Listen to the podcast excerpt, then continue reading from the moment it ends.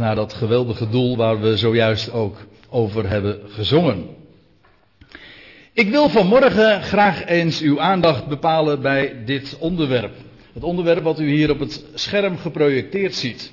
En het plaatje wat u erbij ziet wijkt enigszins af van het origineel. Dat geef ik toe. Heb ik zelf bewerkt. Ik weet niet of u ooit in de Sixtijnse kapel bent geweest. Ik niet. Daarom kon ik me deze vrijheid misschien ook veroorloven. Maar Michelangelo heeft het net iets anders geschilderd.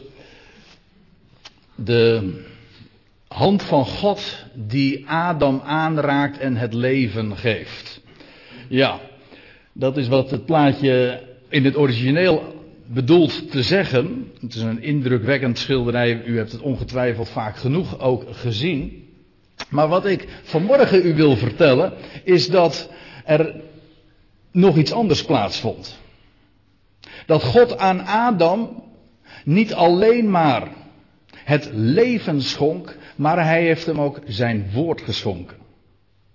Dat wil zeggen, God heeft aan Adam een openbaring gegeven van het feit dat hij de schepper is. Een openbaring aangaande de schepping van hemel en aarde. En in die zin, en het is een wat artistieke weergave dan natuurlijk, zou je inderdaad kunnen zeggen, en ik, en ik neem daar nu ook gewoon even de tijd voor. We hebben tot één uur de tijd, heb ik begrepen, want dan gaan we eten. Dus dat is de deadline die ik heb. Dus gaat u er even lekker voor zitten. Ja, geen camera staan er hier, geen tv-uitzending, dus ik heb wat meer de tijd. Hoe lang mag ik spreken? Kreeg ik, uh, heb ik zojuist gevraagd. Ik zeg, mag het drie kwartier? Nou, als, boeiend, als het boeiend is, Hannes. ja. Maar dat hoor ik pas achteraf, dus uh, dat schiet ook niet echt op als het gaat om informatie. Maar ik ga het dus hebben over, over het feit dat God zich aan Adam geopenbaard heeft als de schepper. En ik wil u dat zo in dit uur laten zien. En de titel van deze studie, want echt het is een studie. Als u hier bent gekomen voor een, een meditatief moment, een, een preek, dan moet ik u zeggen, dan kon het wel zijn dat u teleurgesteld hier weggaat. Want het is echt bedoeld ook als studie. Deze, dit hele weekend staat in het, in het kader ook van van een aantal onderwerpen die allemaal te maken hebben iets met Bijbel en wetenschap, Bijbel en bewijs, geloof en dat en weten. En vandaar ook de keuze van dit onderwerp. Een onderwerp overigens, maar dat zal u niet ontgaan zijn dat dit jaar met name heel veel aandacht heeft gekregen in de media. Niet alleen in de christelijke media, kranten en tijdschriften, maar ook uh, ver daaromheen. Want het zal u wellicht ook niet ontgaan zijn dat het vandaag, of dit jaar, niet vandaag, maar dit jaar 200 jaar geleden is dat ene meneer Charles Darwin geboren werd. En het is trouwens precies ook 150 jaar geleden dat hij zijn beroemde boek The Origin of the Species heeft geschreven. Het ontstaan van de soorten. En vandaar dat dit onderwerp van wat Darwin ooit allemaal naar voren heeft gebracht erg in de belangstelling staat. En daarmee ook het debat over schepping en evolutie, uh, schepping of evolutie, weer heel erg sterk uh, in de schijnwerpers is komen te staan. En daar doen wij vanmorgen gewoon eens even aan mee. Ik ben ook gevraagd trouwens om het over dit onderwerp te hebben. Het is alweer een half jaar geleden dat ik een studiedag heb uh, gewijd aan dit thema. En ik wil dat nu nog eens dunnetjes overdoen, een verkorte weergave. Ik mag wel zeggen, tenminste dat hoop ik, dat het onderwerp voor mezelf nu ook wat rijper is geworden. Toen heb ik het verteld en toen, is het, toen was het wat groen nog, vond, vind ik nu zelf achteraf. En, nu is het allemaal wat rijper. En ik wil u zo meenemen door, door, dit, door en in dit onderwerp. De schepping van Genesis 1, ik zei al, dat is een wat dubbelzinnige titel. En ik zal dat uitleggen. Want de schepping van Genesis 1, dat, je zou op, in het eerste als eerste optie ervoor kiezen, dat, dat betekent, Genesis 1 gaat over de schepping van hemel en aarde. En dat is ook zo. Daarom de schepping van Genesis 1. Maar ik wil vanmorgen het op een wat andere manier belichten, namelijk dat Genesis 1 zelf een schepping is, een creatie. Een goddelijk manifest dat aan Adam overhandigd is. En dan klopt dat plaatje toch nog weer aardig. Ja, en ik ga dat doen aan de hand van een negental stellingen. En ik vraag u om bereidwillig mij aan te horen. En ik ga u vanmorgen dingen vertellen waarvan ik vrijwel zeker weet dat het voor het merendeel van de mensen nieuw is. Een heel aantal stellingen, daarvan zult u zeggen, nou dat heb ik nog nooit gehoord.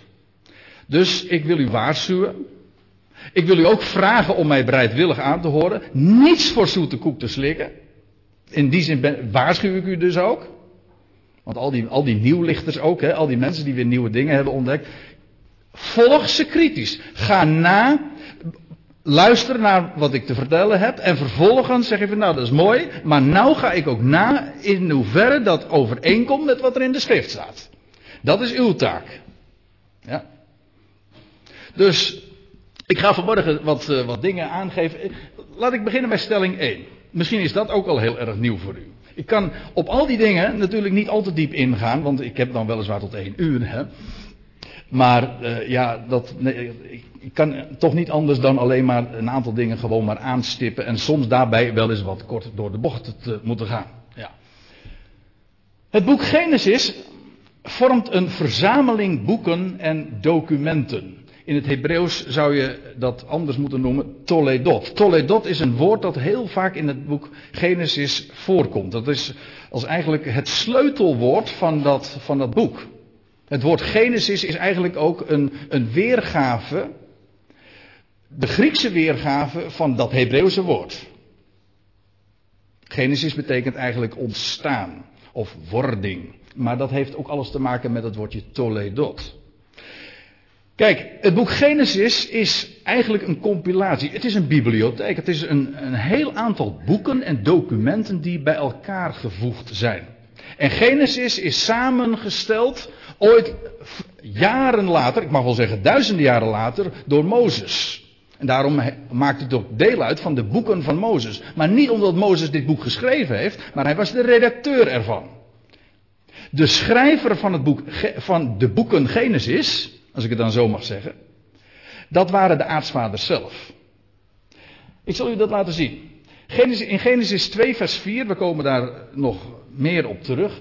Daar staat er in, en het is zojuist ook voorgelezen, dit zijn de Toledot, ik geef het nu even op zijn Hebreeuws weer, dit zijn de Toledot, de documenten, in, het, in, de, in de MBG-vertaling staat er de geschiedenis. Dat is, dat is een beetje lastig, want dat is nooit concordant weergegeven, dat woordje Toledot. En daarom zeg ik het maar gewoon op zijn Hebreeuws. Want in, in Genesis 2, vers 4 wordt het hier weergegeven in de MBG-vertaling met de geschiedenis. Elders wordt het weer weergegeven met het geslachtsregister. Dus zoek het maar uit. Maar er staat, dit zijn de toledot van hemel en aarde.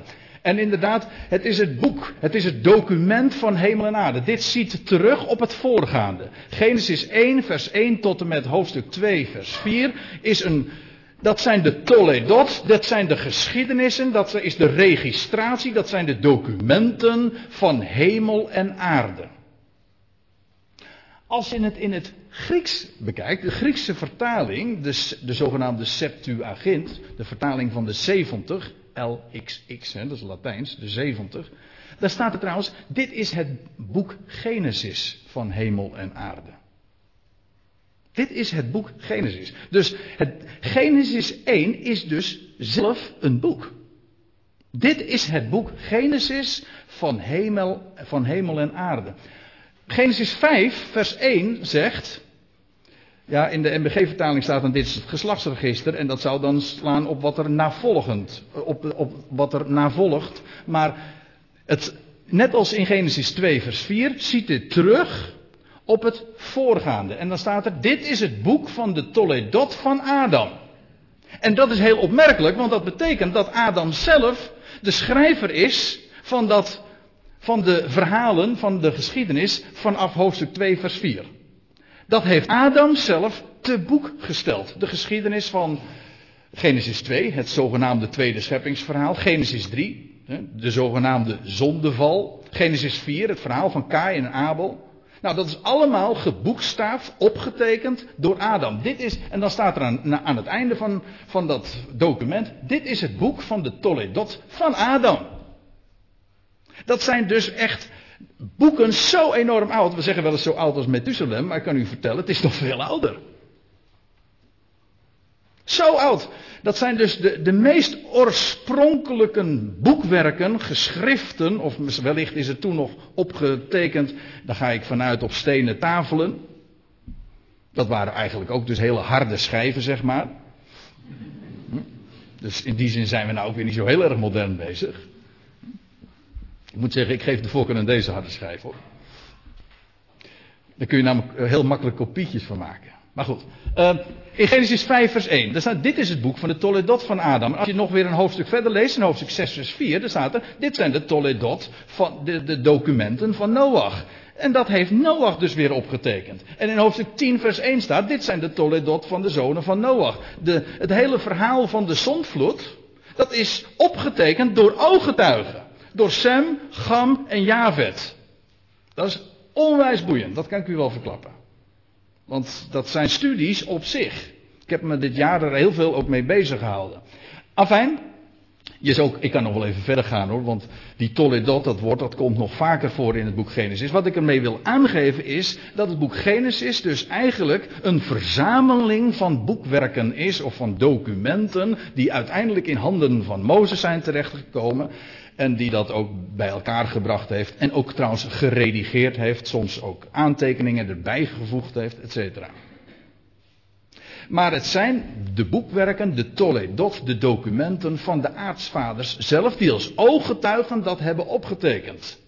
Zodat dat maar niet door mondelinge overlevering uiteindelijk na duizenden jaren eens een keer is op schrift gesteld. Nee, het is werkelijk ooggetuigenverslag. Dat is één. Dat, was stelling 1. Komen we met stelling 2. Genesis 1 is een boek onderscheiden van het boek van Adam. Eigenlijk, als u heel goed opgelet hebt met wat ik zojuist gezegd heb, hebt u dat zelf al kunnen vaststellen. Want, wat lazen we? In Genesis 2, vers 4. Ik geef u even de, de, de Septuagint eh, versie weer, daar staat er, dit is het boek Genesis, of letterlijk, dat betekent, dit is het wordingsboek van hemel en aarde toen zij geschapen werden. Dit is de afsluiting van dat eerste boek. Dit is de ondertitel, zeg maar. En het slaat op dat wat er aan vooraf gegaan is. En dan staat er, dit is het wordingsboek van hemel en aarde toen zij geschapen werden. En dan staat er in Genesis 5 vers 1, dit is het, dit is het boek van de documenten of de Toledot van Adam. Waarmee gezegd is, dat zijn dus twee verschillende boekwerken. Het maakt geen, dat eerste deel, tot Genesis 2 vers 4, ik noem dat even voor het gemak Genesis 1, dat eerste hoofdstuk, dat is een boek apart. Ja. En dan stel je je de vraag, als nou Adam niet degene is geweest die dat heeft opgetekend, als Adam in elk geval, als, het, als dit deel, als dat eerste boek van Genesis, hè, Genesis 1, als dat nou niet deel uitmaakt van het boek van Adam, hoe zit het dan wel? Wie heeft dat dan geschreven? Is het gedicteerd misschien door God? God sprak hè? en Adam heeft het opgetekend, of zou het misschien nog anders zijn? Zou het geschreven zijn door God? En dat zou natuurlijk helemaal opmerkelijk zijn.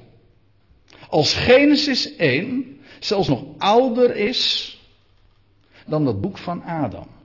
En dat dat het verhaal is, ja niet alleen maar het verhaal is van God, his story, maar ook opgetekend, geboekstaafd, geschreven is door God zelf. Wie anders kan vertellen over de schepping van hemel en aarde dan de schepper zelf? En dat hij zijn eigen manifest geschreven heeft. En ik vermoed, hoor hoe voorzichtig ik dit zeg, ik vermoed dat dit laatste het geval is.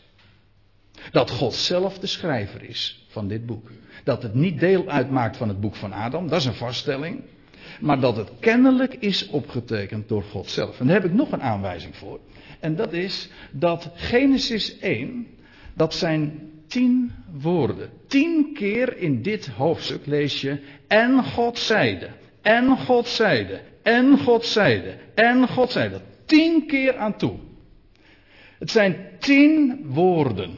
Maar als u een beetje bekend bent met de Bijbel, dan weet u dat de tien woorden doorgaans de uitdrukking is die gebruikt wordt voor wat wij dan altijd noemen de tien geboden. Dat wat op stenen tafelen is geschreven.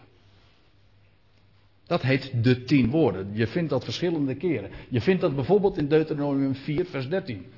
Daar staat van dat God uh, de tien woorden, ja, de tien woorden staat er, en hij schreef ze op twee stenen tafelen. Heb je weer die, die harde schijven, zal ik maar zeggen. Die overigens niet zo heel erg groot waren hoor. Er wordt heel vaak gedacht, en zo wordt het ook op plaatjes afgebeeld, dat, dat Adam, eh, pardon, dat Mozes van die grote stenen tafelen in zijn arm had. Maar weet je wat eh, opmerkelijk is? Ik zeg het er even tussendoor. Dat is een stelling apart. Waren, het was gewoon pocketformaat. Want je leest later dat, Adam, dat, pardon, dat Mozes de stenen tafelen in zijn hand had. De stenen tafelen in zijn hand. Zo groot was dat dus niet. Niet in zijn armen of in zijn arm, nee, in zijn hand. Enfin, dat doet verder uh, niet zo ter zake. Wat wel ter zake doet, is dat de tien woorden van God, die monumentale woorden die God aan Israël heeft gegeven, daarvan heeft God gezegd, die schrijf ik zelf op. Mozes heeft een heleboel opgetekend, maar dat behield God voor zich.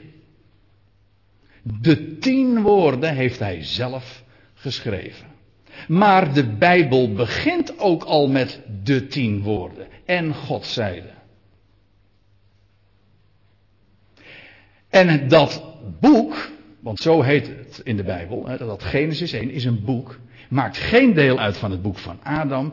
Dus ik ben zo vrij om de conclusie te trekken. Het staat er niet expliciet, maar het wordt ons als het ware op een serveerblaadje uh, aangereikt. God zelf heeft die tien woorden opgeschreven als het manifest. Ik ben de schepper. Goed. We gaan naar stelling 3. Dat is een simpel hoor, daar kan ik heel kort over zijn. Maar ik wil u ook een beetje bepalen bij wat problemen bij de traditionele uitleg. Over Genesis 1. Kijk, Genesis 1 heeft de reputatie het uh, verslag te zijn van dat God de hemel en aarde in zes dagen heeft geschapen. Dat is de traditionele lezing. God heeft de hemel en aarde in zes dagen geschapen, of eventueel herschapen in die zes dagen dus. En ik ga u vertellen dat het anders was. Dat reik ik u aan. En daarom u bent nu gewaarschuwd. Dat had ik al eerder gedaan, maar ik doe het dan nog een keertje, zal ik maar zeggen. Maar een van de problemen is, eh, die hebben te maken met deze stelling. Morgen en avond veronderstellen zonsopgang en zonsondergang. U zegt, dat is een open deur intrappen. Dan zeg ik, ja, dat lijkt mij ook. Maar daarmee komen we wel op een groot probleem bij de traditionele, de gebruikelijke lezing van Genesis 1. Namelijk dat de zon kwam pas op de vierde dag ten tonele. Maar hoe zit het dan met die voorgaande dagen? Dan lezen we ook iedere keer al. En het was morgen geweest. Nee, het was avond geweest. En het was morgen dag 1. En, het was, en dan, dan lees je weer. En God zeide. En vervolgens, en het was, morgen het was avond geweest, en het was morgen geweest. De tweede dag, enzovoorts. Maar pas op de vierde dag komt de zon. Maar hoe kan er sprake zijn van avond, van dag? Hoe kan er sprake zijn van morgen, als de zon er nog niet is? Dat is een heel groot probleem. Dat heeft niks met moderne wetenschap te maken. Al, al uh, duizend jaren lopen Bijbellezers tegen dat probleem aan. En ik heb eerlijk gezegd nog nooit een goede verklaring daarvan gelezen. Maar wat ik u wil zeggen, wat, wat ik zo ga aanreiken, namelijk dat Genesis 1 het verslag is dat God aan Adam heeft gegeven. God heeft aan A, tot Adam gesproken in de hof. En hij heeft dat gedaan. Ik lig nu al een tipje van de sluier op. Hij heeft dat gedaan in zes dagen. Zodat de zes dagen geen betrekking hebben op de schepping, maar op de openbaring van de schepping aan Adam. En dan krijg je een heel ander verhaal. Dan heb je dit probleem trouwens ook niet. Ja, een morgen betekent, als het morgen wordt, dan is betekent dat niets anders dan dat de zon opkomt. Dat is in wezen in de Bijbel ook synoniem. Als het staat, er, en trouwens voor ons ook, als we zeggen van het, eh, het is morgen, dat betekent de zon komt op. Ja, en dan zeggen andere mensen weer, ja, dat, dat getuigt van een verouderd wereldbeeld. Want je weet toch dat de aarde roteert, en dat vind ik nou zo grappig, we praten allemaal over zonsopgang. En volgens mij is dat nog een hele zinnige manier ook, want wat zien we nou? Het is gewoon gebaseerd op waarneming. Puur empirisch, om het eens even wetenschappelijk te zeggen. De zon komt op. Je ziet dat toch? Goed. En die zon gaat ook weer onder en dat noemen we avond. Maar dat was dus al dag 1, dag 2, dag 3, lezen we dat allemaal. Dat, dat, maakt de traditionele lezing van een schepping in zes dagen toch heel eigenaardig. Goed, ik ga naar stelling 4. De zes pauzes ja, de zes pauzes, de zes onderbrekingen. Tussen de avonden en de morgens waren niet nodig voor God. Dat lijkt ook een beetje een open deur in trappen, maar denk er eens even over na. Want dat is heel eigenaardig als je de gebruikelijke lezing van Genesis 1 volgt. De schepping in zes dagen en dan s'nachts gebeurt er niks. Dan denk je, hoezo? Moest God uitrusten of zo? Waarom alleen overdag? dat, de, de, de, dat het uitspansel geformeerd wordt, of dat, dat het land tevoorschijn komt, of dat de, de zeeën eh, op een plaats gebracht worden, etc. Waarom alleen overdag? En overdag wanneer dan? Maar goed, dat is nog een andere stelling. Maar één ding, die, die zes pauzes, waar was dat eigenlijk voor nodig? Voor God? Weet je wat ik zo mooi vind? In Jezaja 40 daar staat, een eeuwig, een Ionisch God is Yahweh. Dat wil zeggen, hij is de God van de eeuwen. Hij omspant de tijden. De, een eeuwig God is Yahweh. En dan staat er, schepper van de einden der aarde. De einde van het land is het eigenlijk. Hè? Want de aarde is in de Bijbel geen planeet, maar is gewoon het droge. God noemde het droge aarde. De einde der aarde is dus gewoon daar daar waar de zee begint. Ik woon aan, de, aan het einde der aarde. Aan de kust namelijk. Ja, ik ben, en, toen, en toen ging ik helemaal naar Maren toe vanmorgen. Dat is het einde der aarde. Mensen hebben daar de gekste conclusies uitgetrokken. Zeggen van ja, dat zie je, de, de Bijbel die, die heeft een heel antiek wereldbeeld vol met fouten. Dat de aarde een, een, een, een platte pannenkoek is waar je van af kon rollen en zo. Hebben ze gedacht. Nou, dat kunt u wel vergeten. Je moet gewoon de Bijbelse definities houden. God noemde het droge aarde. Dus de einde der aarde betekent gewoon de kuststrook.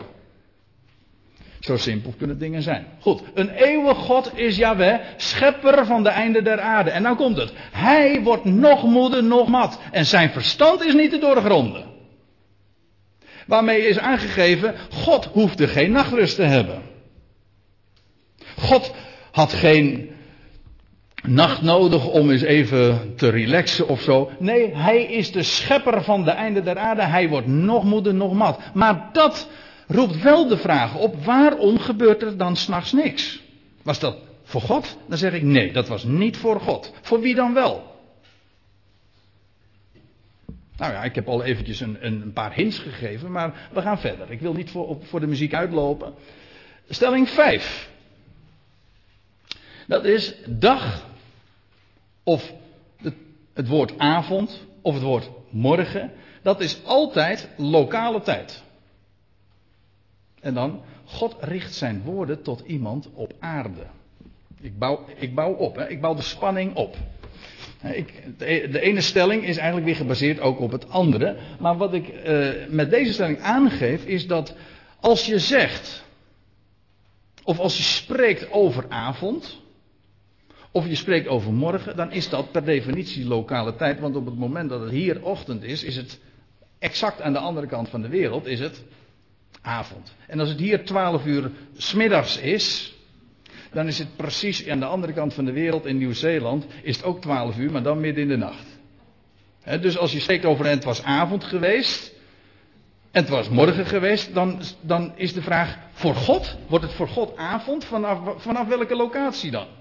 De God van de hemel, de eeuwige God, die zijn woord spreekt. Werd het daar avond voor? Wat ik wil zeggen is wat hier in deze stelling aangeeft. Het is lokale tijd. Dat suggereert dat er gesproken wordt tot iemand op aarde.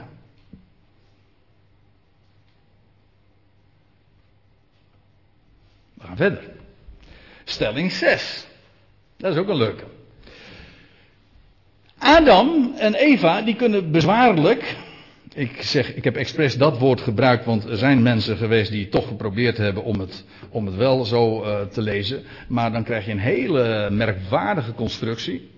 Maar goed, daarom heb ik het maar zo geformuleerd. Adam en Eva die kunnen bezwaarlijk op één dag zijn geformeerd. De gebruikelijke lezing van Genesis 1 van 6, God schiep de wereld, hemel en aarde in zes dagen. Die, ja, dan staat er, dan zouden Adam en op, op dag 6 zijn geformeerd. Maar als je Genesis 2 leest, het, dat andere scheppingsverhaal, inmiddels weten we natuurlijk beter, het is inderdaad een ander scheppingsverhaal, maar het was het verhaal van Adam zelf. Genesis 2 is vanaf vers 4 is maakt deel uit van het boek van Adam. Dat heeft Adam zelf opgetekend. Maar uit dat scheppingsverhaal weten we dat daar een aanzienlijke tijdspanne zit tussen Adams formatie en de formatie van Eva die uit hem voortkwam. Adam werd geformeerd uit de aardbodem en Eva kwam uit hem voort. Ja, dat is dus anders dan dat Darwin inderdaad zei. Want die heeft. Uh, die, die bracht naar voren het, het schokkende verhaal, het schokkende idee. En mensen zijn daar nog steeds natuurlijk. Ja, daar, daar kom je. Daar kan je nooit vrede mee krijgen natuurlijk. Het idee dat je uit, uit de dierenwereld zou voortkomen en dat de apen jouw verre voorouders waren. Begrijp je? Uh, in elk geval, uh, de Bijbel, Genesis 2, eh, leert ons zoveel anders. Hoe het wel gegaan is. En Adam heeft het, als er iemand is geweest die het heeft geweten, die het heeft kunnen optekenen, dan is het Adam wel. Hij heeft het namelijk zelf meegemaakt. En hij is ooggetuige geweest en hij vertelt hoe God dat inderdaad gedaan heeft. Nou ja, hoe?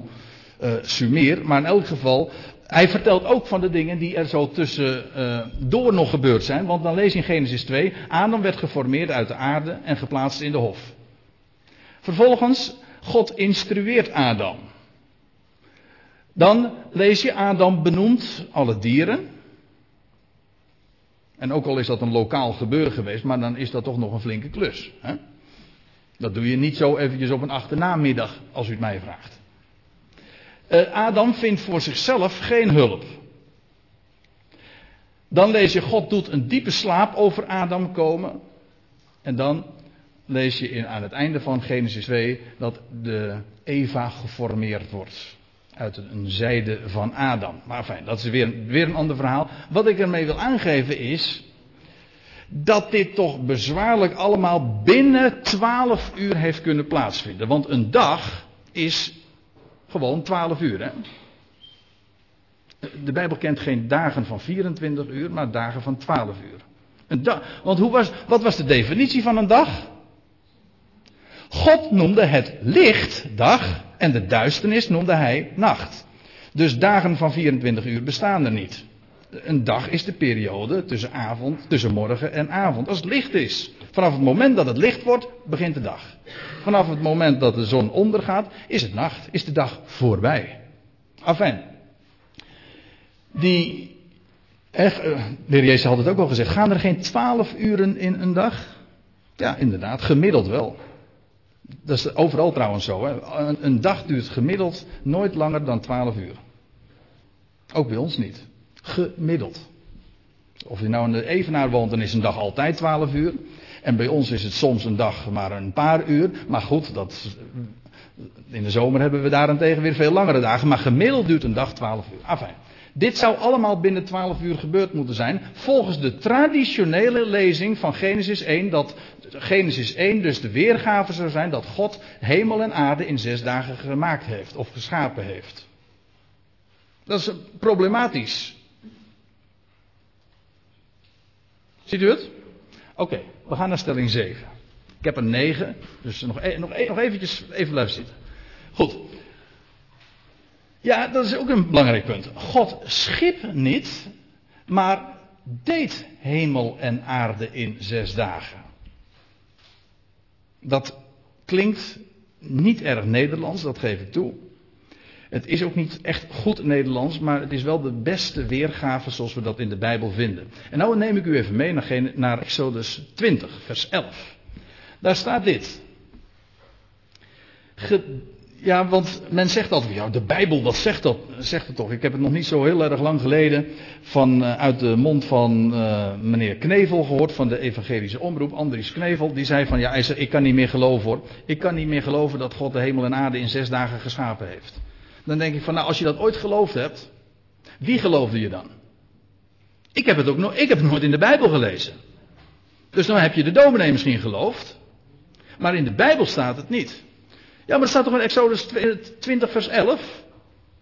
Hij krijgt elke zondag, uh, meneer Knevel, en zo zijn er vele christenen, die elke zondag die, de tekst van die twee stenen tafelen altijd voorgelezen krijgen. En opgelegd krijgen.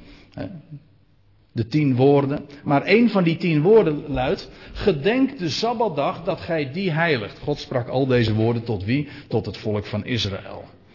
Ik vind, men zou het zichzelf niet moeten aandoen als gelovigen uit de heidenen om dat ook zomaar tot je te nemen. Dan krijg je hele rare constructies en, en, en leringen. Al was het met name met dit ene gebod uh, al het geval. Goed. Gedenk de Sabbatdag, staat er, zegt Jaweh dan, Gedenk de Sabbatdag dat gij die heiligt. Zes dagen zult gij arbeiden en al uw werk doen. Staat er.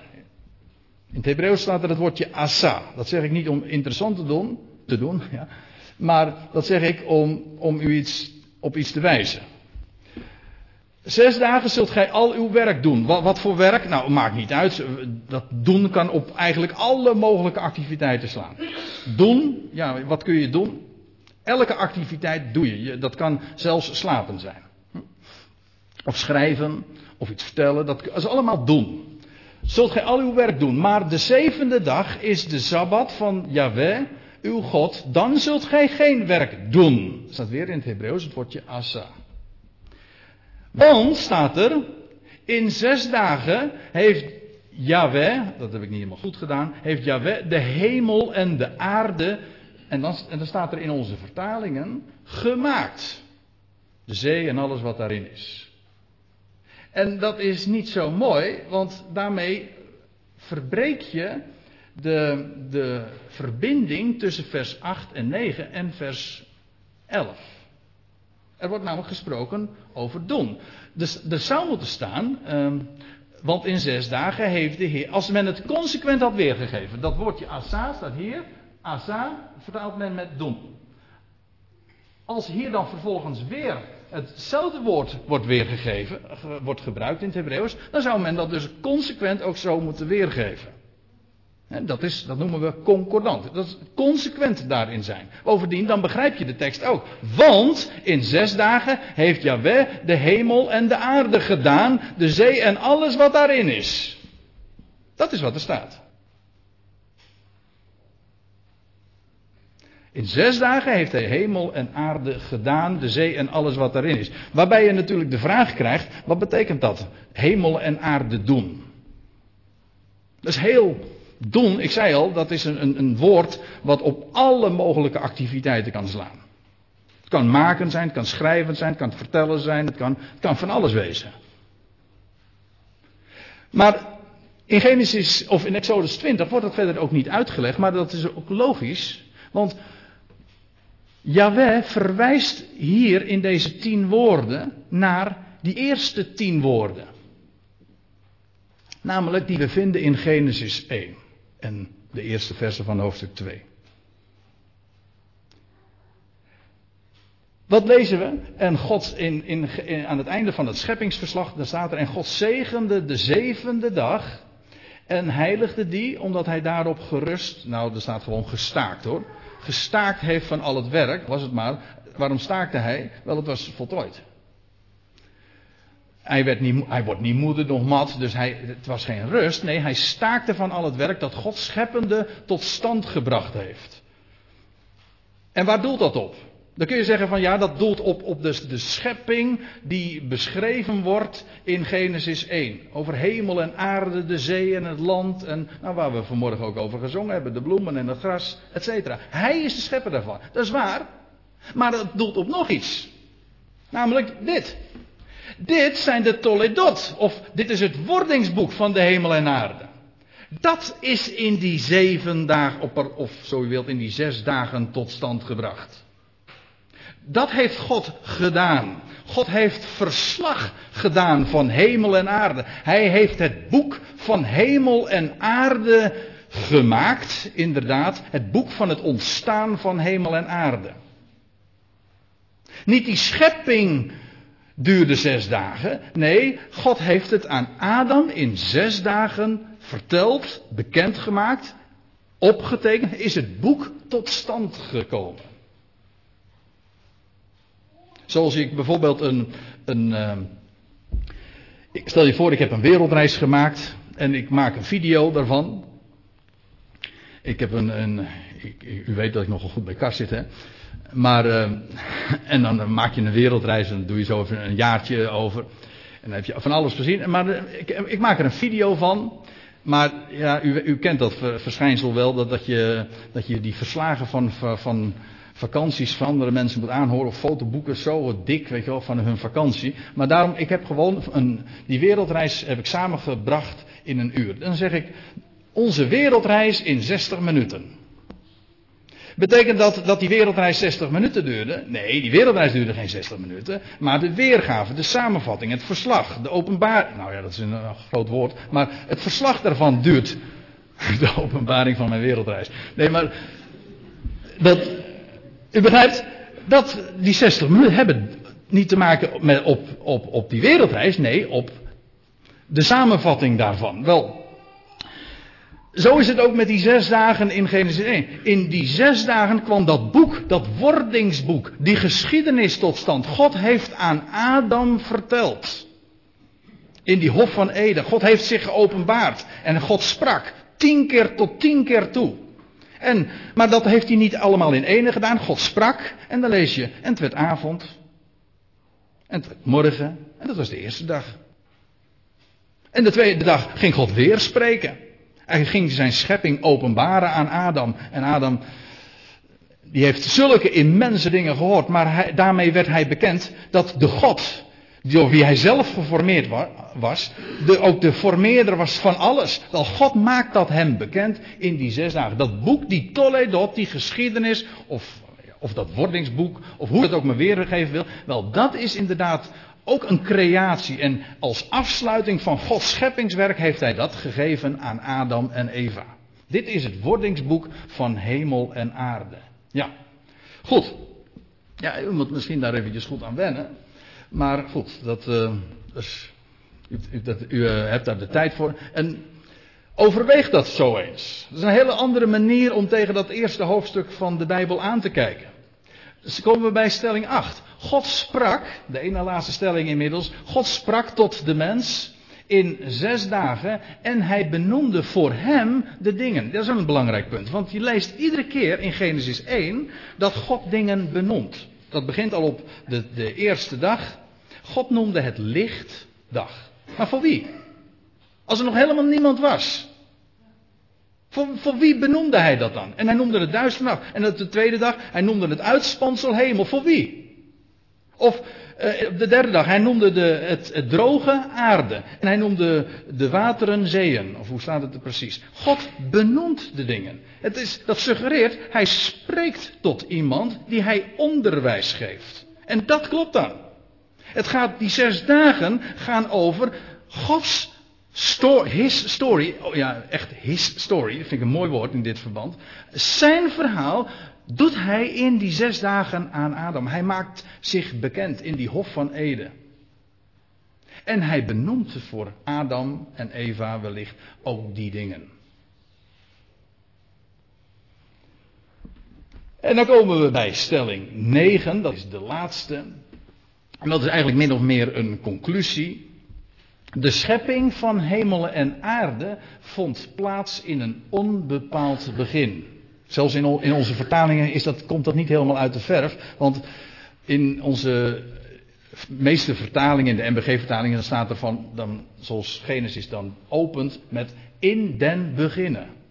In den beginnen, dat woordje den, als u een concordant version hebt, dan, uh, dan weet je dat wel. Want dat woordje den, dat staat er helemaal niet. Er staat niet in, de, in het begin, maar gewoon in begin. Wanneer dat was, hoe lang dat geleden is, en hoe lang die schepping heeft plaats, of over welke tijdspannen dat heeft plaatsgevonden, we weten het niet. Het enige wat ons, wat Adam verteld werd in zes dagen, is dat God de schepper is van alles wat hij zag. En inderdaad, dat wordingsboek, dat kwam in die zes dagen tot stand. Dat is eigenlijk de clue ook wat ik u vanmorgen zo eens mee wil geven. En wat u nog eens heel goed moet overwegen en over, moet overdenken. En nagaan in de schriften of deze dingen al zo zijn. Ja, maar dat betekent ook in deze, in deze weergave, wat ik u vanmorgen zo in het kort heb verteld. Dat betekent dat er ook aanzienlijke, grotere marges zijn, om zo te zeggen, dan de creationisten ons altijd hebben verteld. Want ja, dat is toch helemaal. Het creationisme is heel erg geschoeid op de leest van God schiep de hemelen en aarde in zes dagen. En dan krijg je grote problemen met de ouderdom van de aarde. Ik weet wel, daar zijn ook nog weer andere ideeën over. Maar goed, of over de ouderdom van de levende natuur. Begrijp me goed? Het is absoluut geen pleidooi voor, eh, voor de theorie van Darwin, maar dat had ik u al verteld. Hè? Dat wij zouden, wij zouden voortkomen uit het dierenrijk. Dat kun je heus op je buik schrijven. Ja, op je buik schrijven, want het is namelijk ooit al een keertje gewoon op, op stenen tafelen of wat dan ook geschreven door de ooggetuigen zelf dat het heel anders is gegaan. Maar het neemt niet weg dat over de ouderdom van de aarde en ook de ouderdom van de levende natuur, daar doet de Bijbel geen uitspraak over. In Genesis 1 vertelt daar niets over. De zes dagen hebben geen betrekking op de schepping, maar hebben te maken met de tijd die God heeft uitgetrokken om Adam te onderwijzen en te vertellen dat hij de schepper is van hemel en aarde en van de zee en alles wat daarin is. Ja, en dat betekent dus dat we in dat Genesis 1, en dat is dan echt het laatste wat ik daarover wil zeggen. Genesis 1 is, hoe het ook zij, Genesis 1 is het machtige manifest van dat er schepper is. Door God zelf wellicht opgetekend. God heeft zichzelf aan Adam zo geopenbaard. Dat hij de grote creator is van alles. En daarmee is feitelijk ook de goede afloop ook gegarandeerd. Want als hij iets begint, dan maakt hij het ook af. Sterker nog, datzelfde boek Jezaja waar ik u al eerder uit citeerde, zegt dat hij van den beginnen de afloop al verkondigd had. Dat stond allemaal al vast. Hij staat aan het begin. En hij staat aan het einde. God heeft het eerste woord. Ja, letterlijk, zelfs. Hè, dat eerste woord, die eerste woorden, dat eerste boek, dat eerste hoofdstuk van de Bijbel. Dat is Gods woord zelf. Niet alleen wat hij gesproken heeft, maar wellicht, wellicht zelfs opgetekend heeft. God heeft het eerste woord. En het loutere feit dat hij dat allemaal zo aan de mens bekend heeft gemaakt. Dat garandeert de geweldige afloop en de geweldige uitkomst ook van de geschiedenis. Dat kan niet missen. En daarmee hebben we toch nog een stichtelijk einde, want dat is dit wel hoor. Want als ik hier aan denk, dan word ik, word ik zo blij. Dan word ik zo blij. Het is niet alleen maar een kwestie van verstand, gaan begrijpen hoe dat zit met Genesis. Maar het machtigste is dat we een schepper hebben die bovendien ook de redder is van deze wereld. Ik stel voor dat we een lied gaan zingen.